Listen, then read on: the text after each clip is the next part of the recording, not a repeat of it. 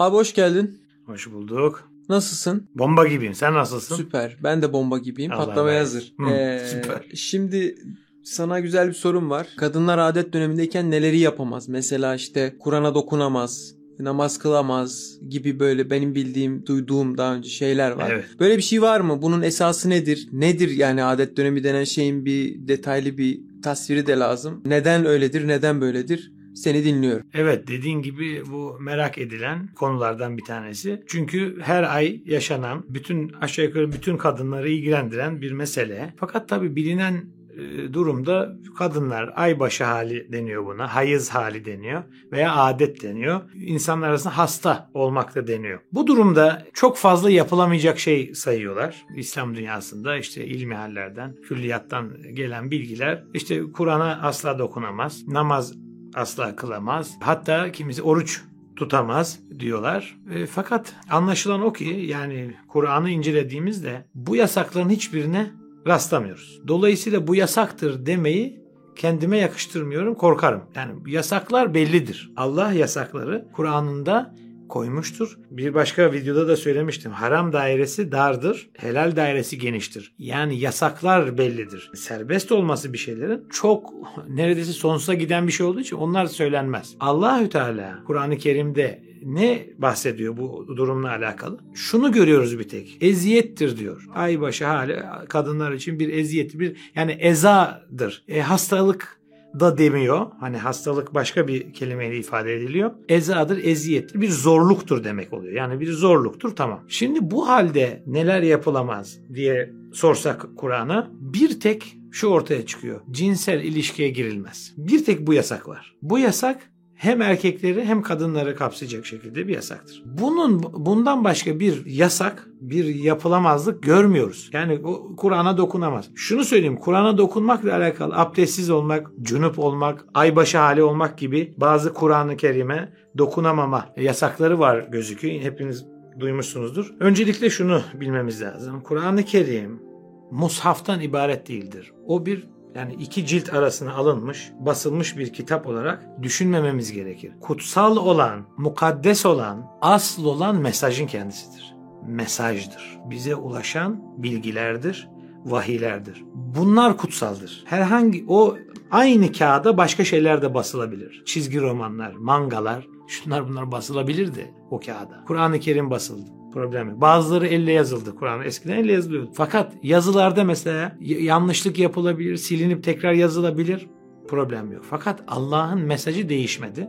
Değişmeyecek. Kur'an'a dokunmaktan kastı herkesin o kitabın kendisine yani Mushaf'ın kendisine dokunulmasının yasak olduğundan bahsediyorlar. Böyle bir yasak bulamıyoruz. Çünkü Kur'an kitabının kendisi mesajıdır. Yoksa neye bastığının önemi yok. Oraya dokunmamak diye de bir şey yok. Fakat şu şuradan biraz kaynaklanıyor. Ona yalnız tertemizler dokunur diye bir ibare var. Burada bahsedilen ona diye yani Kur'an-ı Kerim diye bahsedilen levh-i mahfuzdur. Yani asıl bilginin, bütün bilgilerin Kur'an'ın kaynağı, levh-i mahfuz. Yani korunmuş levha. Yani korunmuş yazıt, korunmuş kitabe. Oraya dokunamaz. Çünkü eski Arap inancında cinlerin bazı bilgileri gaybtan yani bilinemezden çekebileceğini, alabileceğine inanç vardı. Allah onu düzeltti. Dedi ki ona ancak temizlenmişler, en temizler dokunur diyor. Kur'an-ı Kerim'de bir referansı var onun. Yani hani adetlinin dokunamaması, temizlenenlerin dokunması. Vakıa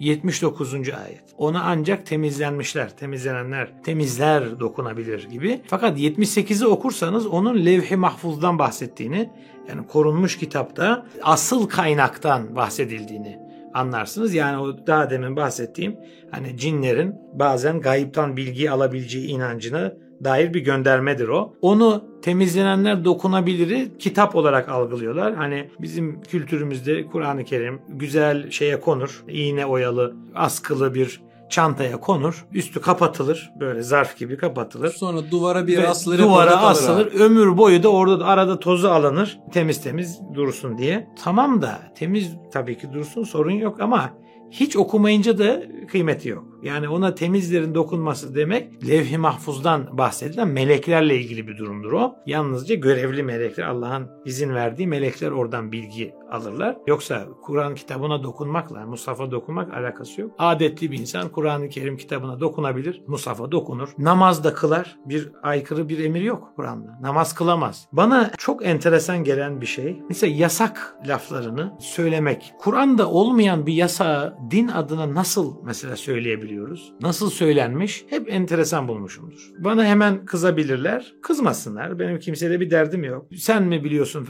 Ben biliyorum diye bir iddiam hiçbir zaman yok. Ben bilmiyorum. Allah biliyor. Allah'ın bildiğini biz nereden biliyoruz? Kur'an-ı Kerim'den biliyoruz. Kur'an-ı Kerim bize dinle ilgili her şeyi açıklar. Bizim amacımız, çabamızın Kur'an-ı Kerim'in doğru anlaşılması olduğuna inanıyorum. Ben doğru anlıyorum onu demiyorum.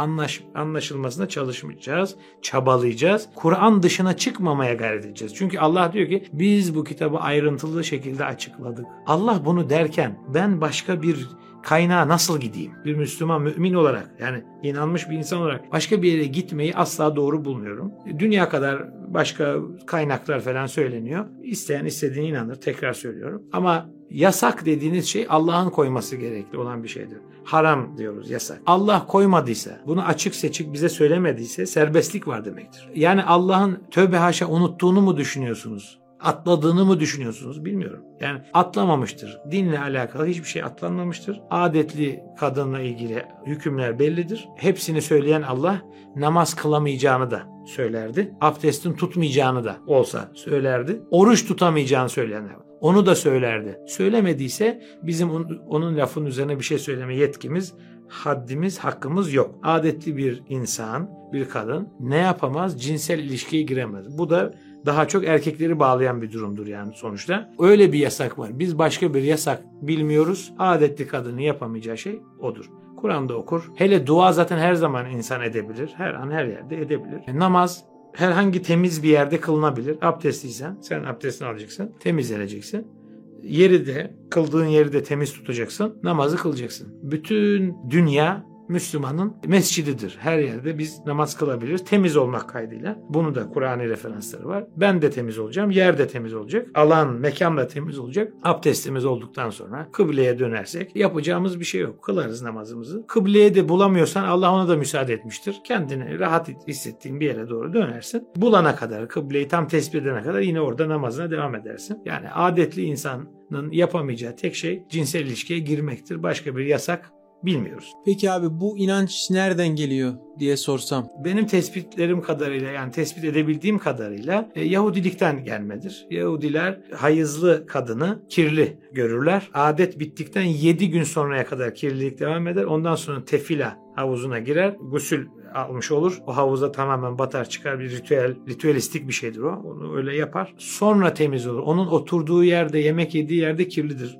hayız zamanı. Hatta onun oturduğu yere sen oturursan veya onun dokunduğu bir şeye bir adetli olmayan birisi dokununca o da akşama kadar kirli sayılır gibi onlarda hükümler var. Yani Mishna'da, Talmud'da böyle hükümler Tevrat'ta bulabiliyoruz. Oradan geldiğini e, düşünüyorum ve benim tespitim o. Anladım. O zaman bu gusüldeki hani havuza girme meselesi başka bir videoda konuşmuştuk. Toplu evet. iğne ucu kadar herhalde aynı şeyi ifade ediyor. Evet çok alakalı şeyler doğru. doğru. Anladım. Oradan oradan geliyor. Evet. Yani aslında biz şunu söyleyebiliriz. Kadın adet dönemindeyken yapamayacağı bir şey neredeyse yok yani. yani tabii tabii cinsel ilişki dışında. Evet. Onu yapamaz. E, başka hiçbir şey bulamıyoruz yani.